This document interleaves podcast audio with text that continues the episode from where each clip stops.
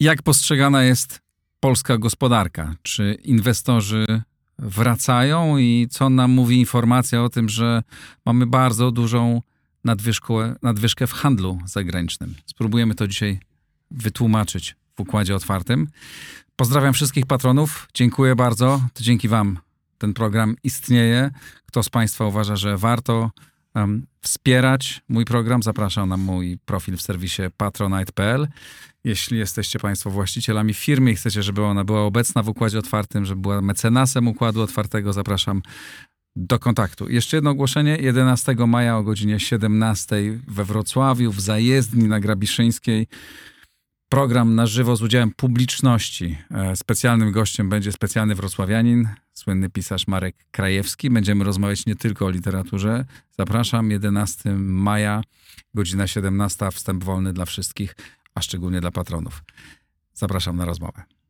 A oto mecenasi Układu Otwartego. XTB, polska platforma inwestycyjna, która umożliwia inwestowanie w akcje i ETF-y bez prowizji w przypadku miesięcznego obrotu nie większego niż 100 tysięcy euro. E-Kwadrat V to polska spółka zajmująca się sprzedażą energii elektrycznej pochodzącej wyłącznie z odnawialnych źródeł. OnGeo.pl Geoportal dostarczający raport o terenie z diagnozą dowolnej działki dla właścicieli, sprzedających lub kupujących.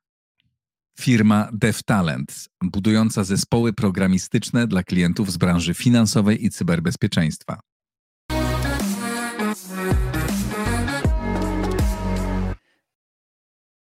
Ignacy Morawski, główny ekonomista Pulsu Biznesu. Witaj serdecznie. Dzień dobry, cześć, witam Państwa.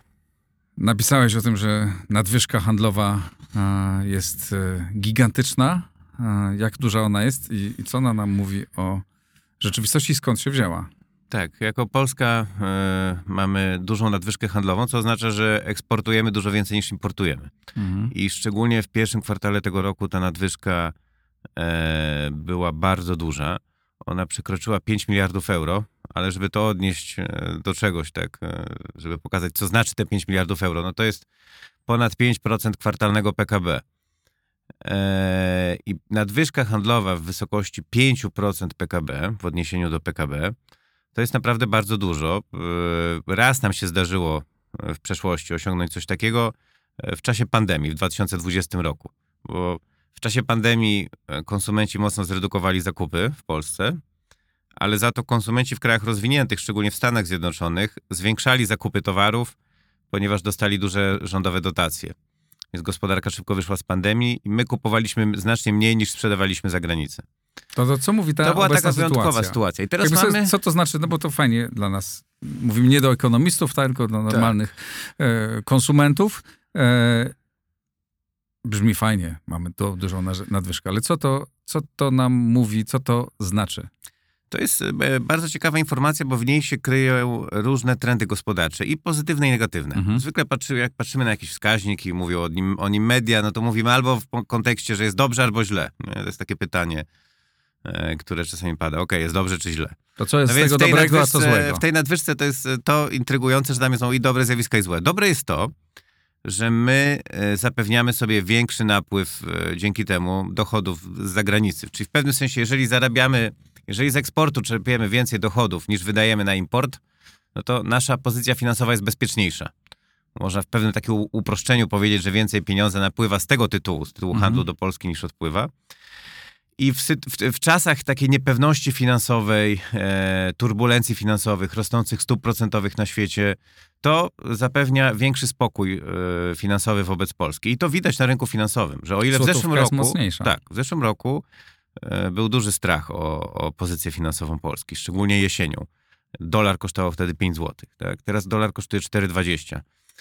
E, czyli umocnił się Złoty, bardzo. Złoty, przepraszam, nie złotówka, złoty. Ale akurat jeżeli chodzi o tą debatę złoty czy złotówka, mi się wydaje, że jako taki potoczny, jako potoczna nazwa waluty, użycie słowa złotówka nie jest chyba błędne, nie?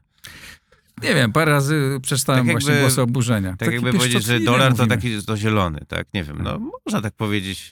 Nie jest to oczywiście oficjalna nazwa waluty, ale bez przesady. W każdym razie Pieszczot- złoty, Pieszczotliwa. No tak, dobra, złoty, się umoc, złoty się Złotóweczka nasza. E, dość, dość istotnie I, i to widać, e, też w minionych dniach to było widać, jak nasze, czyli jakby druga połowa kwietnia to jest ewidentnie mocniejsze zachowanie polskiej giełdy i polskiej waluty niż walut i giełd innych tak zwanych rynków wschodzących, więc jesteśmy To bezpieczniejsi to się- finansowo. co, to jesteśmy znaczy, że bezpieczniejsi finansowo. Inwestorzy uważają, że Polska w porządku, nie ma problemów, wojna, e, wojna za granicą KPO nie przyjedzie, ale warto tu wchodzić. No, ja sądzę, że y, zmniejszyły się dwa główne źródła mm, mm, obaw. Geopolityka i energia.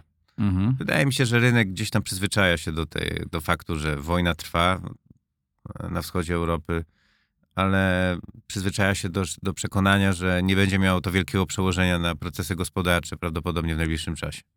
I że I Polska druga- jest takim krajem, który. No nie wiem, pewnie nasza współpraca e, z USA, tak jakoś mówię, no dobra, skoro Amerykanie tu są i chcą być, to. To na, pewnie pewno, to, na pewno, to na pewno wspiera zaufanie do Polski, chociaż takie mocne zaangażowanie Stanów Zjednoczonych było widoczne od początku wojny, a był taki okres w zeszłym roku, kiedy złoty wyraźnie tracił. W każdym razie y, to jest jedna rzecz, a druga rzecz bardzo istotna to jest ustąpienie kryzysu energetycznego. To jest istotniejsze. My jesteśmy Mhm. dużym importerem energii. Dużo importujemy gazu, ropy.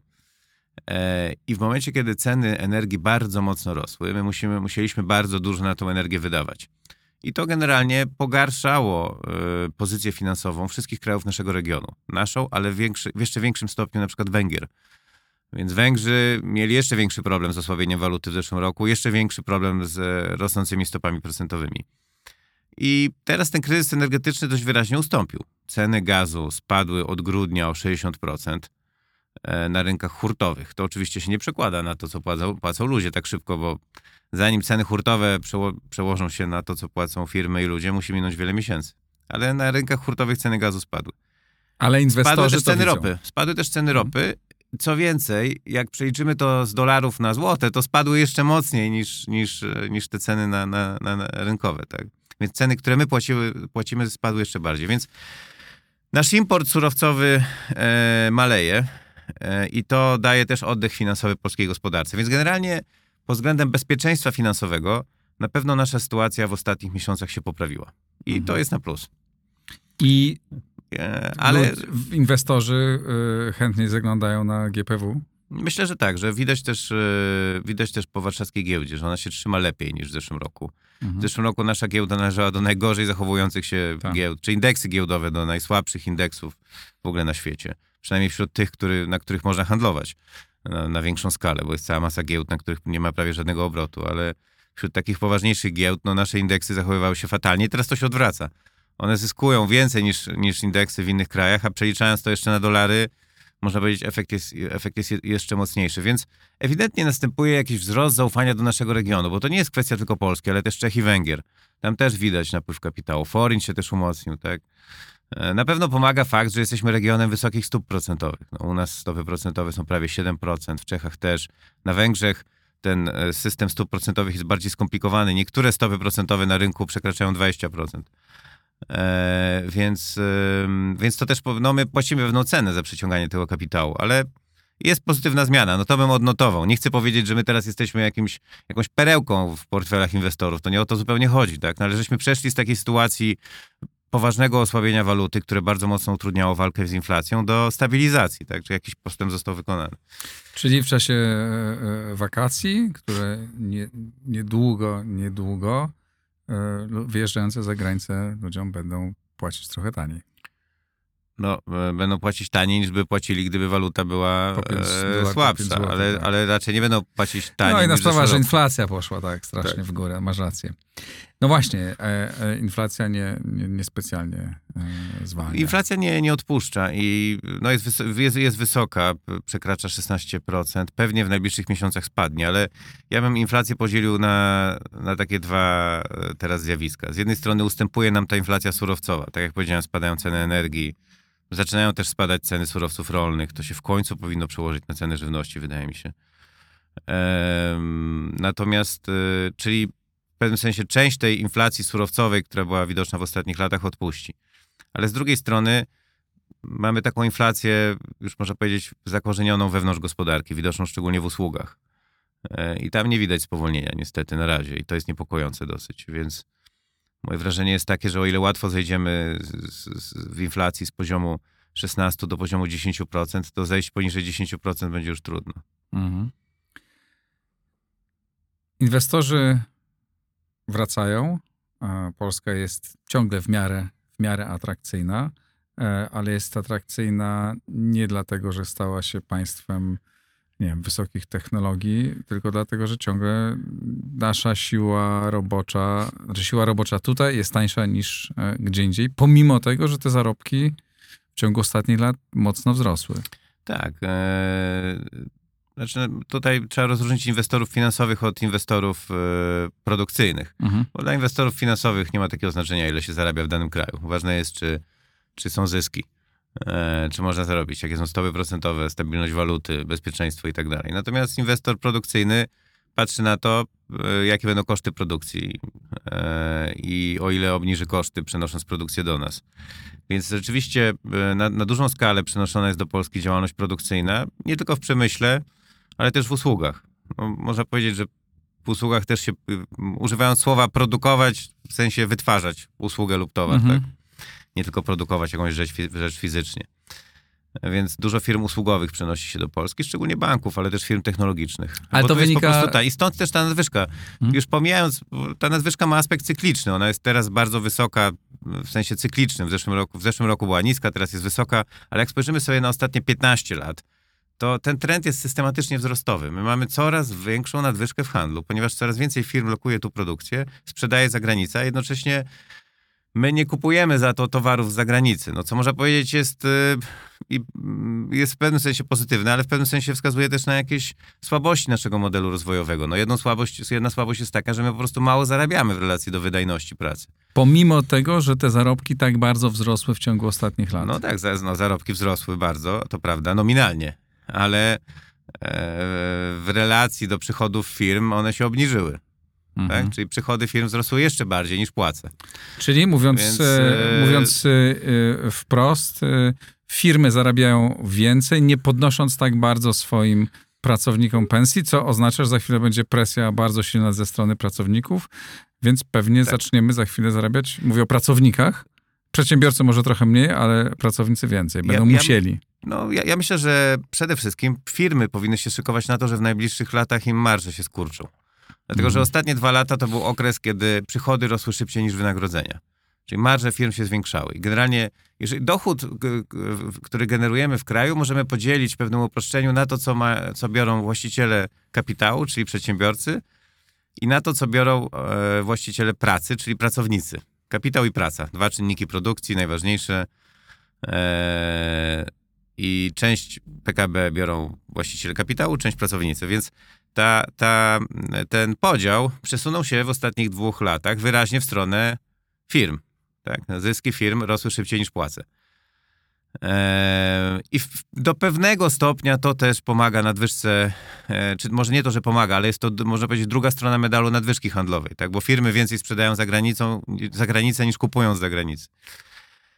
E, ale wydaje mi się, że w najbliższych latach to się odwróci. To znaczy, mm, pracownicy zaczną nadrabiać. Przy tak niskim bezrobociu presja przetargowa pracowników jest dość duża. Czy może inaczej, siła przetargowa pracowników jest dość duża. I wydaje mi się, że firmy muszą się szykować na to, że skurczą im się marży. I będą musiały kombinować, to no, znaczy zostaną zmuszone sądzę, do tego, żeby być bardziej innowacyjne. Sądzę, że będą musiały kombinować y, mocniej, jak zwiększać wydajność pracy. Wydaje mi się, że jest też pewne ryzyko, że wzrośnie bezrobocie przez to. Czyli mhm. będą firmy starały się niestety, podejrzewam, pozbyć części najmniej wydajnych pracowników. Mam głęboką nadzieję i sądzę, że są argumenty za tym, że za tezą, że ten wzrost bezrobocia będzie ograniczony. Nie wrócimy do takiej stopy bezrobocia, jak mhm. była 10 lat temu w Polsce. Ale uważasz, to będzie taki impuls e... również proinnowacyjny dla firm? Myślę, że tak. Myślę, że, że ta presja ze strony pracowników e, będzie presją na wzrost wydajności. Generalnie mhm. sądzę, że zmiany demograficzne, które następują w Polsce będą bardzo prowydajnościowe. Jest, jest, jest dużo trudniej o pracownika będzie niż kiedyś, więc trzeba będzie dużo więcej wysiłku włożyć w, w innowacje. Mm, ale jeszcze o tej e, nadwyżce handlowej chciałem powiedzieć, bo za, zacząłem od tego, że ona ma pewne aspekty pozytywne i negatywne. No, mhm. No, pozytywne jest to, że ona nam stabilizuje naszą sytuację finansową. Negatywny może być fakt, że ona odzwierciedla w pewnym sensie zjawisko polegające na spadku udziału płac PKB, ale jest jeszcze jeden negatywny punkt. Mamy tą nadwyżkę handlową teraz tak wysoką, cyklicznie, między innymi ze względu na fakt, że mamy niski popyt w kraju i pewnie recesję. Wśród ekonomistów trwa, trwa, dyskusja, czy to, co teraz obserwujemy w gospodarce, można nazwać recesją, ale moim zdaniem można. No, mamy głęboki spadek produkcji, sprzedaży, de, przepraszam, sprzedaży detalicznej, naprawdę głęboki spadek. Ostatnie dane to jest, to jest e, ponad 7% na minusie. I to wynika z tego, I- że po prostu rzeczy są droższe, więc kupujemy mniej? Tak, tak. Wynika to z faktu, że rzeczy są droższe, kupujemy mniej, ale moim zdaniem to nie jest jedyna przyczyna. E, Bo e, ten impuls inflacyjny był mocny już w zeszłym roku, a w zeszłym roku sprzedaż nie spadała. Więc wydaje mi się, że coś jeszcze tutaj musi się dokładać. Wydaje mi się, że część Ukraińców chyba wyjeżdża z Polski. Mhm. To jest jedna rzecz. Podejrzewam, że może następować przesunięcie popytu może w stronę usług ze strony towarów, a usługi są bardziej produkowane w kraju niż za granicą, więc to nam też zwiększa nadwyżkę A co handlową. to znaczy, że zostaną, że co, ludzie mniej kupują towarów? Myślę, że tak. Myślę, że tak. Że myślę, że następuje takie zjawisko.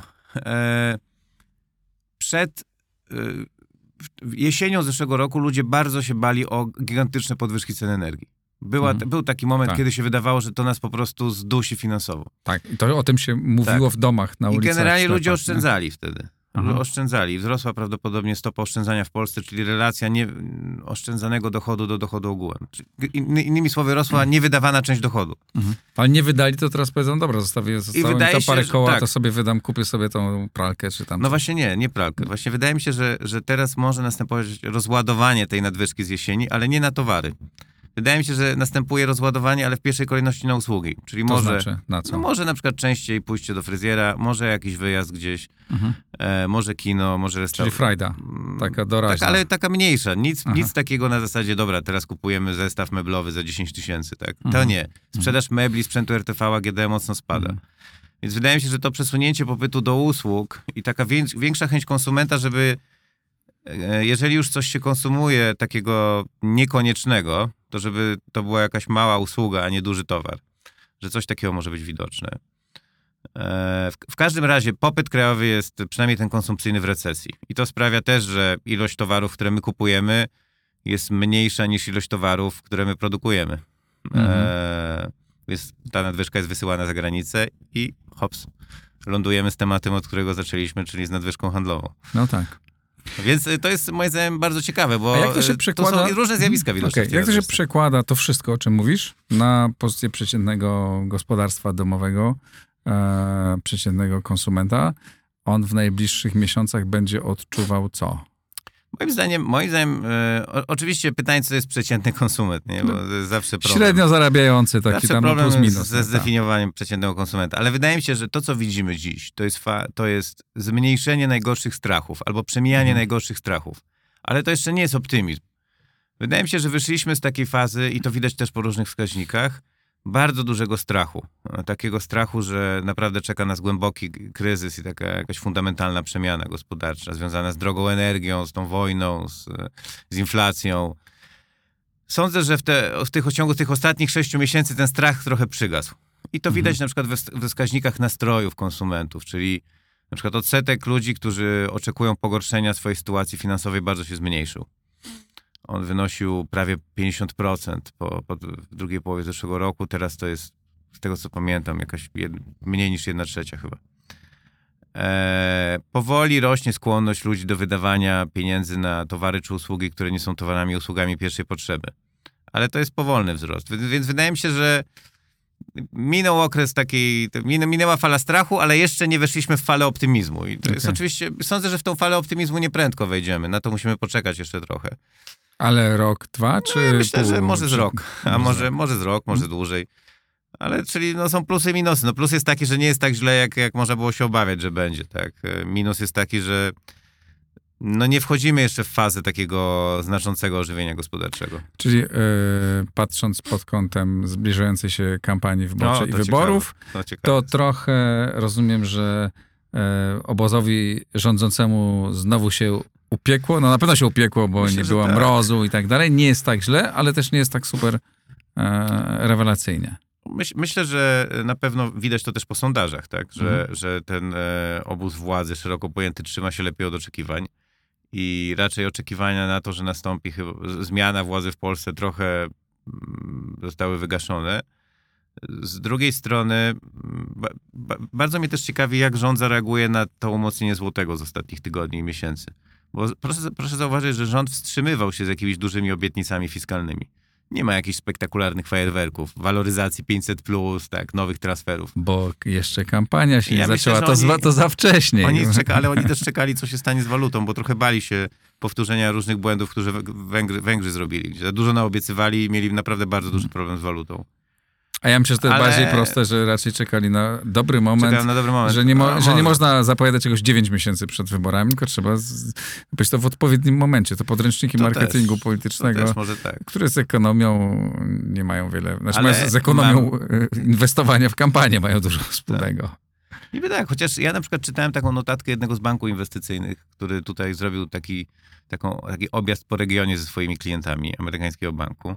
I oni napisali w tej nota, notatce, którą później opublikowali, że generalnie te obietnice fiskalne w Polsce nie wyglądają na tak duże, jak się mogło wydawać, że ta Mhm. sytuacja fiskalna jest bezpieczniejsza. Oni się spotykali z przedstawicielami rządu, banku centralnego, więc ja podejrzewam, że nasze władze tutaj nas sprzedawały takich historii, że będziemy trzymać budżet pod kontrolą. Tak? Okej, I okej. stąd też trochę to większe zaufanie inwestorów, bo oni patrzą i widzą, a te wybory nie, nie są tak destrukcyjne dla naszych finansów publicznych, jak się wydawało, ale to zobaczymy, czy rzeczywiście tak jest. O to jak to jest z tymi inwestorami na koniec? Jakby kiedy ym, jakaś firma czy fundusz decyduje, żeby tutaj wejść, mm, to co bierze pod uwagę i jak patrzy na Polskę dzisiaj? No myśli, dobra, jest niby wojna, no ale ta wojna raczej się tu nie przeniesie, są tu Amerykanie, więc nie będzie e, e, tak źle. Całkiem nieźle wy, wykształcone społeczeństwo.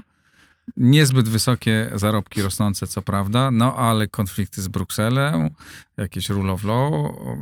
Jak to wszystko się waży dzisiaj na tych komitetach Ja myślę, inwestycyjnych? że to trze- trzeba rozróżnić inwestora finansowego i inwestora produkcyjnego. Dla inwestora finansowego ważna jest y, perspektywa roku, półtora roku, dwóch lat może. Mhm. Czy kraj jest bezpieczny finansowo? E, Czy nie będzie dużej dewaluacji waluty?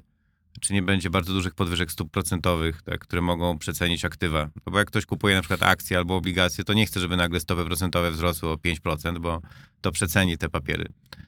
E, więc dla takiego inwestora finansowego ważne jest, czy kraj jest bezpieczny finansowo. I dlatego ta nadwyżka, o której mówiłem, handlowa, która pod, podwyższa nasze bezpieczeństwo finansowe, jednocześnie oznacza, że my jesteśmy bezpieczniejsi i bardziej atrakcyjni dla inwestora finansowego. Natomiast jak mamy do czynienia z firmą produkcyjną, nie wiem, no, produkującą na przykład części do samochodów albo jakieś materiały budowlane, która zastanawia się, czy tu lokować fabrykę, Pompy ciepła no to oni, wchodzą z wielkimi tak, no to oni przede wszystkim biorą pod uwagę, oprócz tego, że kanały zbytu, łańcuchy dostaw i tak dalej, no to jeszcze dostępność pracowników, wynagrodzenia, infrastrukturę, e, tego typu rzeczy. I, I ta dostępność pracowników, ich wykształcenie i wydajność zawsze są tutaj kluczowym argumentem. Mhm. Pomijam już fakt e, e, dobrego połączenia infrastrukturalnego Polski. Jesteśmy blisko ogromnego rynku zbytu, jakim są Niemcy, Europa Zachodnia, tak? Więc, no ale to jest coś, co było, jest i będzie. Natomiast e, No, kiedyś nie było tych dróg, nie, którym Tak, można było tak, szybko przejść, teraz są. to prawda, tak. E, Jest, są drogi, jest więcej połączeń lotniczych, e, więc dużo firm, na przykład banków, działa w ten sposób, że mogą przecież tutaj rano przylecieć z Londynu, wrócić po południu. Tak? Tak. Kiedyś outsourcowali tego typu działalność do Indii, no tylko tam po pierwsze jest inny czas, więc żeby się dzwonić z nimi, to trzeba w nocy to robić albo jakoś bardzo rano. Po drugie, dotrzeć tam jest jednak trudniej, a komunikacja też nie jest łatwa, bo powiedzmy język angielski trochę inaczej jest mówiony w Polsce, a trochę inaczej w Indiach. No i są Więc- też te duże różnice kulturowe. Tak, to mi kiedyś tak. opowiadali tacy ludzie z firm IT, jak to polskie firmy wypierają hin- Indusów Tak, tak. z Ameryka... polskie firmy tam podwykonawcze e, e, z firm amerykańskich, bo my się po prostu łatwiej z nimi dogadujemy. Znaczy mówimy tak samo po angielsku, tylko bardziej zrozumiale. Jak my mówimy tak, to znaczy dokładnie to samo, co Amerykanin rozumie, a jak mówi ktoś tam z Bombaju, to to znaczy troszkę co innego Dokładnie, tak. i tu zaczynają być problemy. A Więc- ostatecznie do Polski też można szybciej przylecieć, więc, tak. więc ta infrastruktura, połączenia, to wszystko jest ważne, ale ostatecznie też y, wykształcenie pracowników, kultura pracy, wysoka wydajność, no i niskie płace. I to jakby jest ten, oczywiście to jest to wyzwanie, że my cały czas jesteśmy krajem atrakcyjnym ze względu na niskie płace. Z drugiej strony widać wiele, tu też można by długo o tym mówić, ale widać, wiele procesów polegających na tym, że coraz więcej dobrze płatnych miejsc pracy jest w Polsce lokowanych. Czyli na przykład Mhm. nie tylko pracownicy produkcyjni, którzy coś składają, ale na przykład też centra R&D, Tak. czy B plus R, mówiąc po polsku, badania i rozwój. Research and Development, badania i rozwój. Tak. Ale, to jest, przykład- ale tu jest chyba klucz, tak? Jeżeli to rozwiniemy, to to będzie wielki kop dla nas. No tak, myślę, że tak, że wi- widać pewne objawy, bo na przykład motoryzacja, która jest y, najważniejszą gałęzią przemysłu w Europie, ma bardzo duże potrzeby w zakresie badania i rozwoju, bo musi się szybko przestawić na, na silniki elektryczne, a w tej dziedzinie jesteśmy do tyłu, za Chinami i Stanami Zjednoczonymi, więc wydatki Ale Euro- w bateriach nam nieźle w europejskich, wydatki europejskich firm na, na badanie i rozwój rosną bardzo szybko i oni też szukają jakichś sposobów, żeby optymalizować te koszty, zmniejszyć je. Więc coraz częściej dochodzą do wniosku, że o, może lepiej zatrudnić polskiego inżyniera, niech on prowadzi te badania. Czyli już nie tylko polski robotnik przemysłowy, który składa samochód, który też musi być dobrze przygotowany, żeby nie było. Ale nie tylko ten tak zwany niebieski kołnierzyk, ale też jakiś biały kołnierzyk. Mhm. I tego widać coraz więcej. Więc to sprawia, że ten nasz model niskopłacowy niekoniecznie musi nas wepchnąć w jakiś niski poziom rozwoju. Niekoniecznie musi tak być. A te, ta historia z bateriami, jesteśmy jednym z największych producentów dzisiaj, nie? Co, No jeden z tak, jeden z największych eksporterów, producentów, bo firmy azjatyckie lokują tu swoje fabryki, żeby być bliżej rynku zbytu. Z czego to się właśnie wzięło i na ile ten trend może się utrzymać i na ile to jest, coś nam mówi o rzeczywistości? To, to nam mówi tyle, że my jesteśmy po prostu zapleczem europejskiej motoryzacji, tak? I azjatyckie fabryki chcą być blisko rynku zbytu, czyli te fabryki, które sprzedają dla europejskich firm, chcą być blisko tych firm. Eee, ale jednocześnie e, bardzo dużo powstaje nowych fabryk w Europie Zachodniej też, tak? Więc mi się wydaje, że to nie jest tak, że my będziemy jakimś liderem przez długo w tej dziedzinie. Eee, ale ważne, że takie, że takie mm, miejsca pracy powstają, bo wo- wokół nich powstają też całe łańcuchy dostaw, czyli jak jest fabryka baterii, która jest fabryką azjatycką, no to oni materiały zamawiają tutaj, tak, a te materiały często są zaawansowane technologicznie, więc po- powstają też, jest też popyt na bardziej zaawansowane technologicznie produkty w Polsce, wśród polskich też firm, więc to zjawisko jest na pewno bardzo pozytywne, choć oczywiście yy, no, może chcielibyśmy, żeby to nasze fabryki takie duże powstawały, ale prawda jest też taka, że z produkcją baterii problem ma cała Europa, że my jesteśmy, Europa pod tym względem jest za Stanami Zjednoczonymi i za Azją daleko. I za Chinami. E, tak. Jakbyś miał tak jednym zdaniem, ktoś przylatuje z kosmosu i powiedzieć coś, e, ta Polska dzisiaj jest, co się z tą polską gospodarką dzieje? Myślę, że to jest y, kraj, który dziś, na dziś, w tym obecnie, wiosna 2023, jest w recesji. Podejrzewam, że, ale jednocześnie kraj, który utrzymywał przez wiele lat szybkie tempo wzrostu gospodarczego, do którego jest, myślę, w stanie powrócić. E, jednocześnie kraj wysokiej inflacji e, i ta inflacja pewnie będzie największym wyzwaniem polityki gospodarczej w najbliższych latach. Ja nie wiem, czy ktoś, kto jest z kosmosu, by zrozumiał może te. Ale te też powiedzieć, że jesteśmy bezpieczniejsi finansowo. No, niż byliśmy rok temu. Tak. Niż byliśmy rok temu. E, aczkolwiek no, jak pewnie, no nie, no tak, jesteśmy na pewno bezpieczniejsi niż byliśmy, niż byliśmy rok temu. Więc jak ten ktoś z kosmosu był tu rok temu i teraz wraca po update, to można powiedzieć, że jest trochę lepiej. I rozumiem, że w tym momencie mamy troszkę więcej pieniędzy, bo je zaoszczędziliśmy. Tak. Więc jeśli ktoś z Państwa chciałby te pieniądze na przykład przeznaczyć na wsparcie swojego ulubionego podcastu czy kanału na YouTubie, to zapraszam. Wiecie gdzie. Ignacy Morawski, bardzo Ci dziękuję. Dziękuję. Główny ekonomista Pulsu Biznesu. Dzięki serdeczne. Dzięki. To wszystko na dzisiaj. E, Jeśli podobała Wam się ta rozmowa, subskrybujcie, napiszcie, co o, co o tym sądzicie.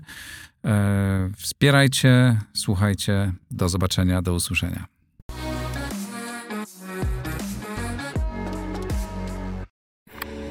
Nagraj to w blisko.